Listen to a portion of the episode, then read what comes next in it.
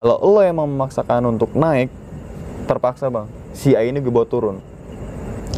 Setengah satu berseling dia muntah di belakang Cisentor ini, shelter Cisentor ini ada suara nenek-nenek yang memang sangat kayak dibilang bergema enggak bang. Hmm.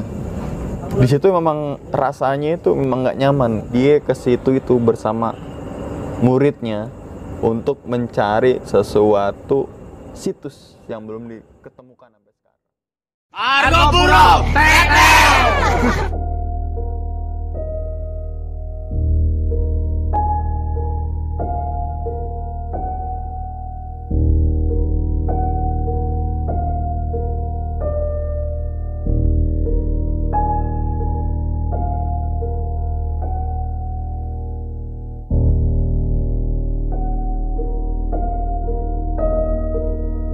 akhirnya kita pulang kalau sebenarnya tugasnya belum selesai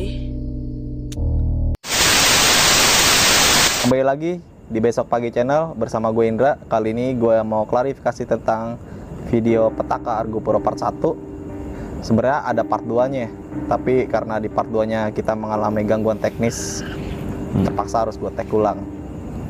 Nah, sekarang gue lagi uh, berada di salah satu tempat yaitu nggak jauh dari tempat pemakaman umum Karet bivak. Karet Bivak. Nggak jauh, malah sebelah sebelahan gue nih Sudah- udah tempat TPU ya? pemakaman TPU. Nah, gue pengen melanjutkan kembali pembahasannya Umang di part 1. Mungkin untuk lebih jelasnya, gue langsung tanyakan kembali aja kepada Umang ya. Umang, Boleh. bisa dong lu ceritain kembali ini di part 1 Heeh, boleh. untuk sebelum lanjut ke part 2 nih. Jadi kalau di part 1 itu sampai di Ibu Rani ya. Burani. Nah, Ibu Rani itu kan eh apa ya? Nyasar jatuhnya ya. Mm-mm. Salah jalur kan? Salah jalur. Salah jalur sampai akhirnya nongol di belakang Cisentor. Iya. Shelter Cisentor belakangnya Ah. banget. Terus kalau gue singgung di part 1 sedikit, itu ada tiga orang, apa dua orang ya pas itu ya? Manggil-manggil kan. Ah, Ibu Rani, Ibu Rani.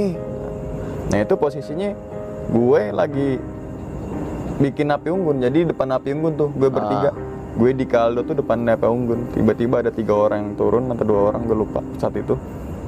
Panggil teriak-teriak Ibu Rani dan langsung nanya gue dengan ngos-ngosan sedikit lah bang muka panik dia kan. ah, Bang, ngeliat Ibu Rani gak?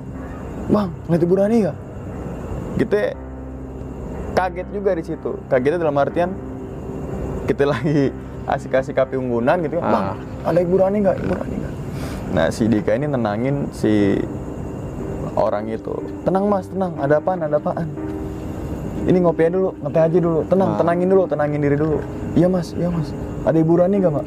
Mas, tadi ya. Ibu Rani, Ibu Rani yang mana?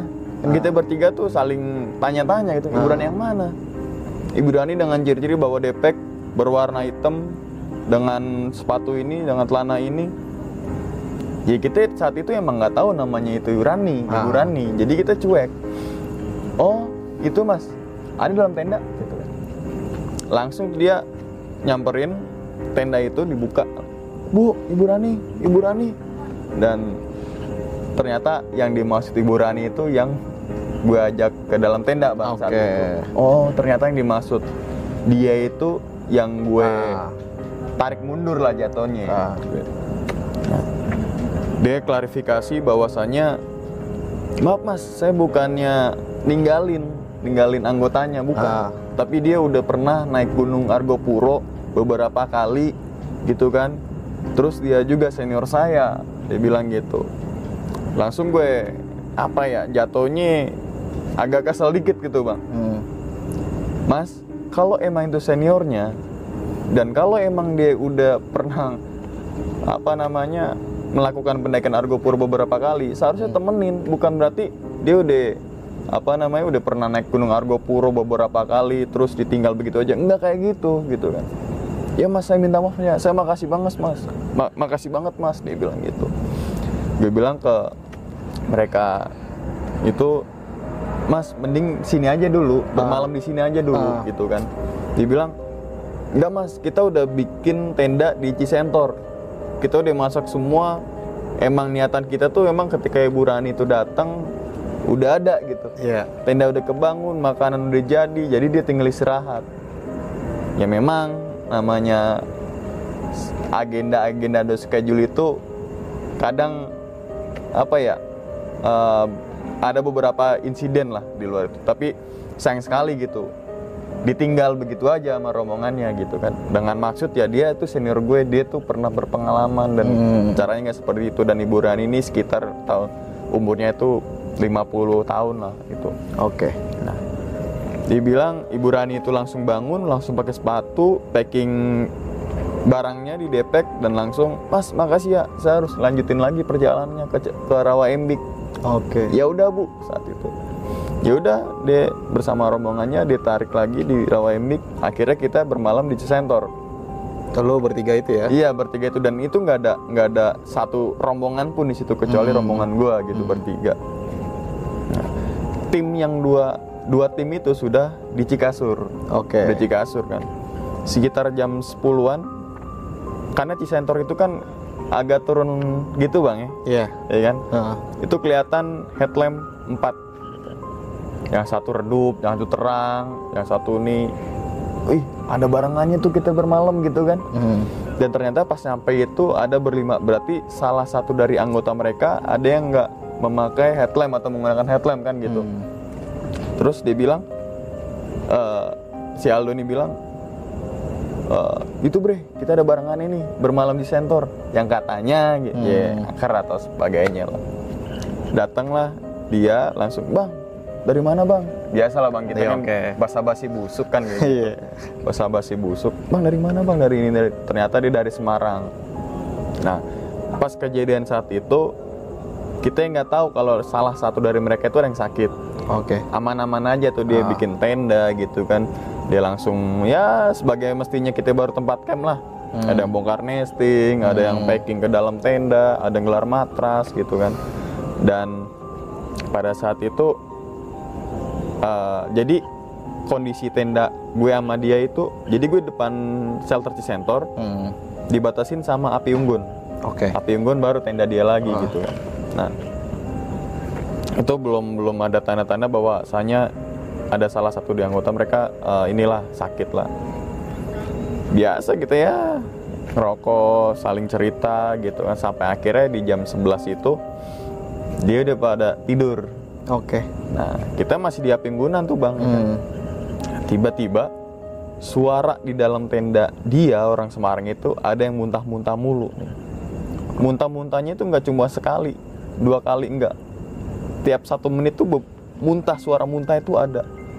Kayak muntah tapi nggak ada yang keluar dari mulutnya kayak gimana sih? Gitu kan. Nah sampai akhirnya si Dika itu langsung ngebuka tenda orang Semarang itu tanpa permisi. Oke. Jadi langsung buka, seret gitu kan Hmm. dan ternyata satu orang anggotanya keadaannya terduduk yang sakit itu Oke. yang sakitnya duduk yang nggak sakitnya malah tiduran jadi tenda kapasitas dia itu bukan kapasitas lima orang tapi sekitar 3 sampai 4 orang aja Nah, menurut gue itu salah lah kenapa kok yang sakit malah nggak dapat tempat tidur Ah. gitu kan Ah. Karena kita tendanya kapasitas 4, si Dika ini bawa tenda kapasitas 4, akhirnya si A ini kita kita inilah oknumnya A ini yang sakit ini kita bawa ke dalam tenda Oke. kita. Jadi Ah. tenda kita itu ber, berkapasitas jadi empat orang gitu. Hmm. Yang tadinya dalam tenda itu kita bertiga, Ah. gue Aldo Dika jadi berempat. Oke. Karena ada si A ini gue tarik ke tenda gue gitu. Hmm. Nah, itu bang ya, di dalam tenda itu. Jadi posisinya itu ketika si A ini masuk ke dalam tenda, kita juga ikutan tidur gitu. Ah. Gitu ikutan masuk karena itu udah tengah malam kan dan Oke. kita pas jalan kita beberapa hari lagi gitu. Jadi uh, save energi lah gitu kan. Kita harus e- charge tuh energi. Nah, ini mulai kejadian yang memang di luar batas nalar. Di sini dia mulai. Jadi pas beberapa menit setelah kita masuk tenda itu sekitar 30 menit lah resleting depan tenda itu ada yang mainin bang Oke. kondisinya misalkan yang mainin itu rombongan Semarang Hmm. pasti langsung ngebuka dong seret kan gitu kan Ah. lah ini nggak kayak buka setengah tutup lagi gimana sih seret seret seret seret gitu. itu dua-duanya jadi tenda kapas kan resleting dua bang depan Ah. jadi kayak gitu seret seret terus itu kita tuh merinding. Itu kita bertiga langsung bangun karena memang gimana ya suaranya tuh kenceng. Suara dari resletingnya itu kenceng. Karena kita merasa nggak nyaman gitu kan. Dok dok bangun dok. Dik dik bangun dik. Kita bangun bertiga semua tuh. Dengan kondisi sama si si A ini tetap muntah-muntah aja. Oh, dia, si A itu nggak tidur. keadaannya udah tidur ya. Ah. tapi ketika mau muntah kan otomatis duduk lagi. Oke. gitu kan. Tidur lagi mau muntah duduk lagi. Terus berulang. Dari situ mulai nggak nyaman dan akhirnya ini nggak nggak nggak beres gitu. Oke. udah kita tidur lagi aja saat itu. Tidur lagi aja. Bang bang A eh si A ini. Ya. bang tidur lagi aja bang. Abang eh, harus bener butuh istirahat gitu kan. Tidur lagi dan kita langsung tidur lagi. Itu menunjukkan pukul gue inget banget setengah satu. Setengah satu itu gue berempat tidur gitu kan. Hmm. Nah, kejadian lagi saat ini. Begitu dia muntah lagi ke sekian ratus kalinya gitu kan. Udah Jadi, bukan puluhan lagi ya? Udah puluhan sekian ratus soalnya setiap menit tuh dia ada pasti dia muntah. gitu. Tapi nggak ada yang dikeluarin gimana sih? Hmm. Kalau orang normal kalau dia muntah pasti ada beberapa sisa makanan kan Ah. yang dikeluarin gitu. Ini enggak gitu. Setengah satu berseling dia muntah di belakang Cisentor ini shelter Cisentor ini ada suara nenek-nenek yang memang sangat kayak dibilang bergema enggak bang Hmm. nyaring iya dan itu sangat jelas banget di belakang tenda gue yang posisinya belakang tenda gue adalah shelter Cisentor jadi eh, gimana sih Oke.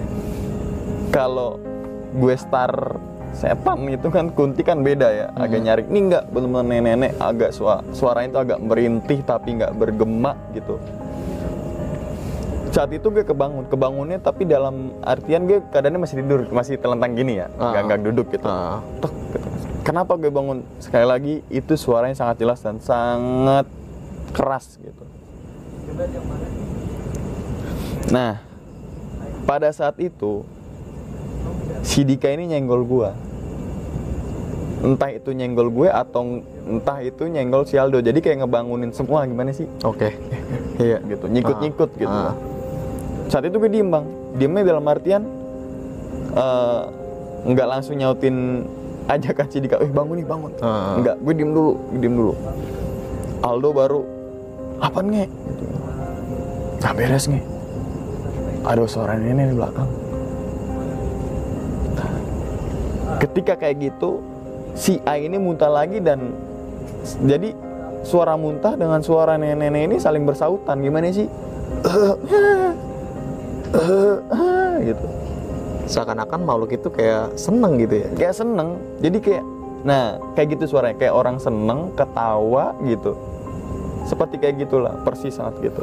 Merinding gue, Bre. sangat kayak gitu. Nah jam satu kenapa gue bilang jam satu? Karena gue pakai jam gitu kan yang Hmm. jam kalau dipencet nyala gitu kan. Oke. jadi walaupun gelap kan tetap bisa kelihatan lihat jam. Digital. digital. Jam satu? Dia bangun bangun bangun bangun. Di situ memang rasanya itu memang nggak nyaman. Nggak nyamannya tuh gimana ya? Tiba-tiba udaranya panas gitu. Kita bertiga itu buka sleeping bag kecuali si si A ini gitu. Mm-mm. jadi gue ulas balik kena eh, si A ini ternyata dari segi pakaiannya nih dia memang nggak memenuhi untuk pendakian bang. Oke. dia pakai celana basket gue inget banget. Bajunya itu baju lekbong Mm. lekbong badannya agak sedikit berisi gitu. Nah, jadi pakaiannya si Aldo ini dikasih ke si A ini bang lu jangan pakai celana pendek ganti bang celana panjang. Gue nggak ada lagi bang. Celana kecuali ini kecuali baju yang dipakai. Gitu. Dengan suara orang sakit gimana sih bang? Gitu. Oke. tapi lo harus pakai bang. Lo ini kondisi lagi sakit. Aldo langsung buka ranselnya. Nih lo pakai bang celana gue. Aldo langsung ngeluarin lagi. Nih bang pakai baju gue. Nih bang pakai jaket gue. Dipakai lah sama si A itu dipakai. Tidur. Jadi ketika gue begitu juga ketika gue ada dialog sama si A suara nenek-nenek ini memang saling terus-terusan berulang jadi seakan-akan keikutan nimbrung ngobrol gimana sih bang Hmm. gitu terusan berulang gitu nah kita di situ nggak tidur sampai waktu menunjukkan sekitar jam setengah lima Subuh. subuh lah anggapannya subuh ya Hmm. kita jam waktu menunjukkan setengah lima kayak agak sedikit langit ini agak sedikit terang dikit gitu kan. Karena posisi center itu kan diapit oleh dua bukit lembahan ini di lembahan banget kan. Seharusnya angin itu berpusar dingin tapi ini nggak panas. Panas sama sekali. Eh panas maksudnya. Nah udah jam sekitar jam 6 si tenda rombongan Semarang ini kayak baru bangun gimana sih gitu. Lo tidurnya ngorok lo. Ada bercanda-bercanda gitu lah bang. Ah. lah si ini mana ya? Gitu. si A ini mana ya? Gitu. Langsung gue keluar tenda. Kenapa bang? Nyari si A? Iya bang. Itu dalam tenda gue. Keren lah nyamperin. Lo pindah bukannya bilang-bilang ke gue? Bilang seperti itu. Si si, rombongannya ini si empat rombongannya ini. Ya udah gue nggak mau memanjangkan masalah itu ya. Masalah cuma pindah tempat itu aja gue nggak per- mempermasalahkan itu. Langsung si Aldo ini bang lo mendingan berlima atau satu tim atau rombongan lo ini mendingan lo turun lagi deh ke arah Cikasur gitu ke arah Baderan gitu Hmm. karena kenapa karena lo kalau lo ngelanjutin ke arah puncak terus lo turun bermi itu medannya makin sulit dan makin panjang kan gitu sedangkan kondisi teman lo ini memang tidak tidak memungkinkan untuk meneruskan perjalanan Hmm. Iya bang, tapi gimana bang ya? Ya dengan segala argumentasi dia bahwa gue tuh nggak mau untuk turun. Kalau gue gue nilai seperti itu ya, Ah, tetap memaksakan untuk naik. tetap untuk memaksakan untuk naik. Ya udah bang, kalau lo emang memaksakan untuk naik, terpaksa bang. Si A ini gue bawa turun. Dengan berempat rombongannya ini temannya itu, ya udah bang gue titip teman gue. Dengan segampang itu melepaskan temennya nitip ke orang lain gitu itu menurut gue hal yang bodoh dan hal yang goblok. Benar. kita harus keras dalam hal seperti ini gitu untuk Ah. meminimalisir angka resiko di gunung langsung gue buka omongan lo mau naik lagi ke atas gitu itu masih butuhin waktu sekitar berarti dia harus bermalam di Rawa Embik dan di Danau Taman Hidup, ya berarti Dua dua, hari malam. tiga hari ya Tiga hari lah. Tiga hari lagi gue pengen lihat nih logistik lo gue pengen lihat dulu semuanya. Dibuka ada bang sama dia ditebarin tuh. Beras sekepal terus apa namanya eh, snack lebaran. Ah. yang di kaleng itu bang. Ah. sisa setengah telur asin sisa empat dengan indomie tiga. Sedangkan dia harus memerlukan tiga hari lagi untuk sampai di Bermi. Hmm. tiga hari lagi itu minimal sehari itu makan dua kali berarti dia harus makan itu delapan kali lagi. Satu dua tiga empat lima. Eh enam kali lagi ya? Enam kali lagi Enam karena kali tiga lah. hari kan? Ditambah lagi pas itu paginya berarti tujuh hari lagi kan gitu? Tujuh. Tujuh Tujuh kali kali. makan makan bang ini nggak cukup. Ini nggak cukup buat lo makan tiga hari ke depan. Sampai hari ini pun juga lo nggak cukup. Ini mah habis cuma dua hari doang bang. Begituin bang. Hmm. Nah memang pada saat itu dia tetap apa ya tetap memaksakan untuk naik ke Argopuro ke puncak Argopuro gitu loh Hmm.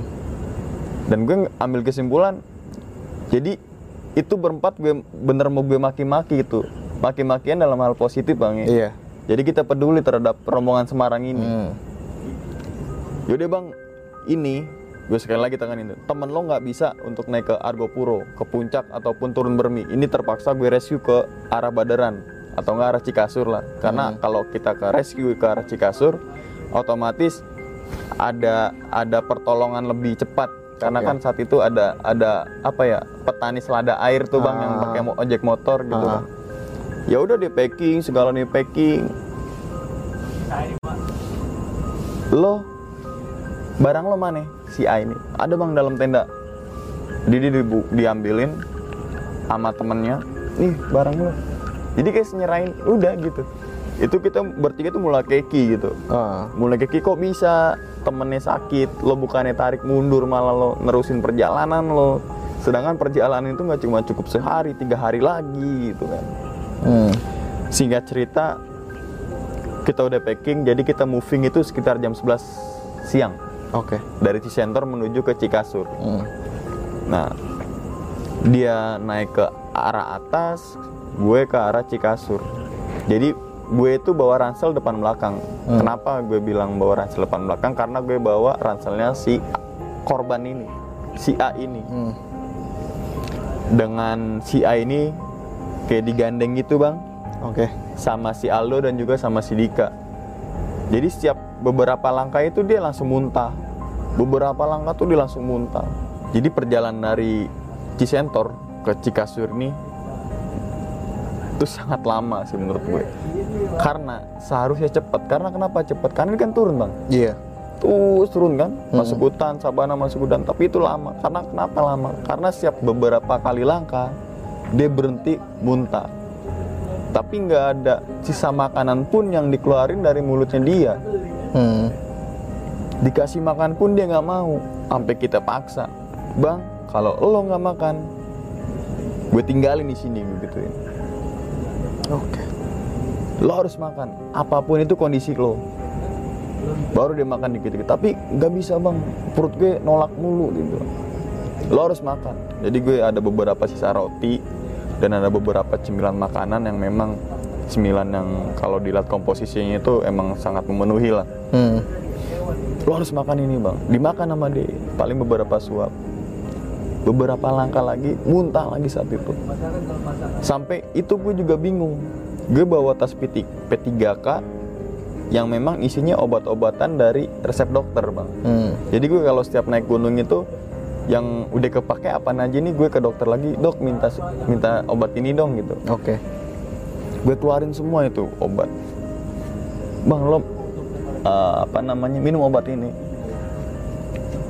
Sama keluar lagi tuh bekas makanannya bekas pokoknya yang setiap dia kali makan tuh dikeluarin semua. Sampai akhirnya dia pas muntah itu nggak ada nggak ada sisa makanannya gitu. Nah sampai terus berulang itu bang. Sampai jam berapa itu Cikasur itu? Jam 4 lah. Sore. Itu kan- iya itu kan sangat lama menurut gue. Berarti sekitar ja, sekitar 6 jam dulu ya. 6 jam. Itu juga gue sedikit ngancem dikit bang karena Mm. untuk kepedulian ngancemnya dalam artian gini loh lo harus makan gitu, lo harus makan bukan lo harus cepet enggak Hmm. lo harus makan lo harus makan nyampe di Cikasur dan memang dua tim rombongan kita yang pertama ini dia udah kemas-kemas Hmm. untuk turun turun ke bawah. Nah, sampai akhirnya kan gue nyampe di Cikasur, gak lama kemudian lo nyampe di Cikasur kan, Iya. rombongan lo. Ah. Jadi rombongan si Bang Indra ini dia naik dari Baderan, Hmm. gue naik dari Bermi. Nah kita ketemunya di, Di Cikasur. Cikasur. Sampai Bang Indra kan bilang, tuh temen lo bang, Iya, dalam karena tenda. Iya di saat itu kan gue juga nggak tahu emang ya ketika lu lagi nge-rescue si A itu dalam keadaan sakit dan Iya. sakitnya masih di tanda tanya juga kan karena nggak ada yang ngerti juga sampai pada saat itu gue bareng sama dua orang dokter yang dari Surabaya itu Hmm. suruh untuk mengecek keadaan si korban itu Hmm.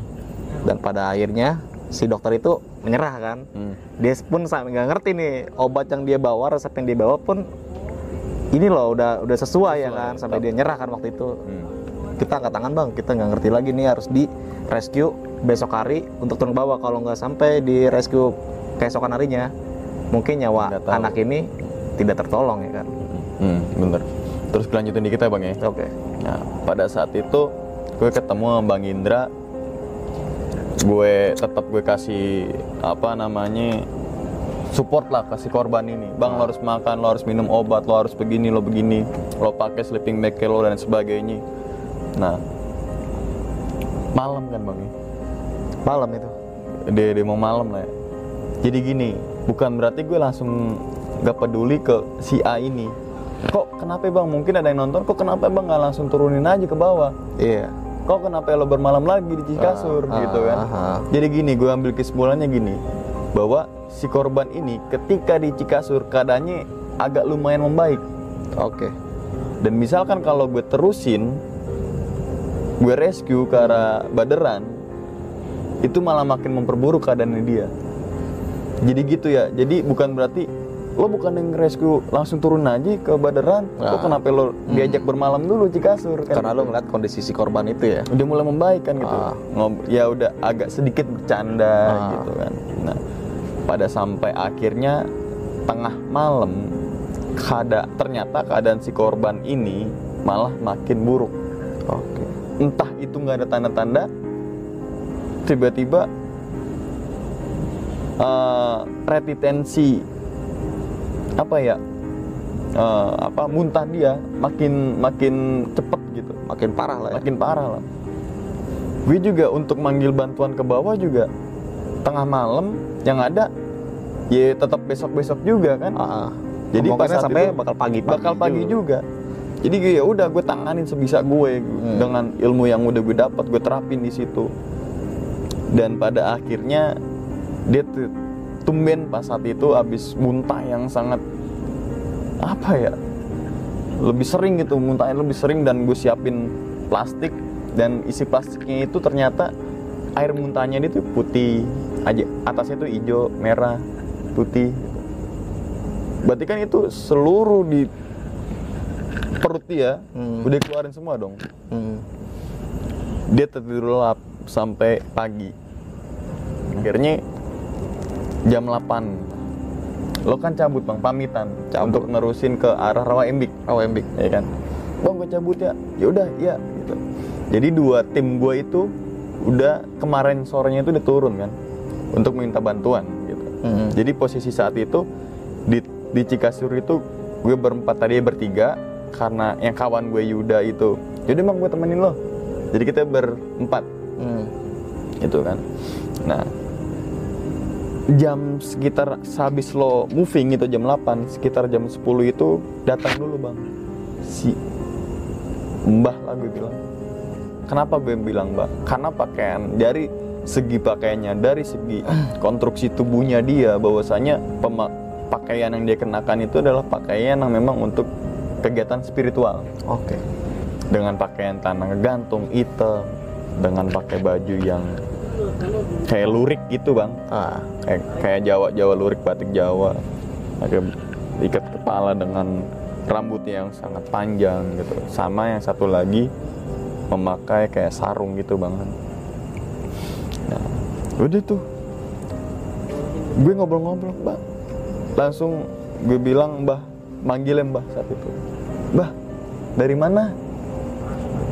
Dari sini mas. Dia menceritakan dari sini mas dari bawah jam berapa? Kemarin ya? Gitu. Hmm. enggak mas. Dari bawah jam 7 dari bawah jam 7 berarti dari Badaran itu jam 7 nyampe Cikasur itu setengah 10 dan itu menurut gue nggak masuk akal. akal. gue tanya naik motor? Enggak. Takutnya naik ojek bang Ah. sampai pos 2 mata air 2 Ah. ternyata dia enggak. Jalan kaki mas. Saat itu memang gue bertiga itu saling tatap-tatapan. Gue Aldo Dika tuh eh gue Aldo Yuda itu saling tatap-tatapan. Ini bener gak sih? Dari bawah tuh jam 7 ternyata sampai Cikasur setengah 10 dia tiba-tiba ngebuka omongan dari mulutnya dia bahwasannya dia ke situ itu bersama muridnya untuk mencari sesuatu situs yang belum diketemukan sampai sekarang. Hmm. jadi gue gue tuh ngobrol berlima itu ngobrol aja gue dengerin dia karena gue ngormatin kan dia, dia lagi cerita. Hmm. mas di sini tuh bekas ini loh. Ini bangunan ini ini loh. Di seberang sana itu arah ke Jember tapi ada situs ini. Wah, dia semua tentang seluk beluk Argopuro itu diceritain di situ.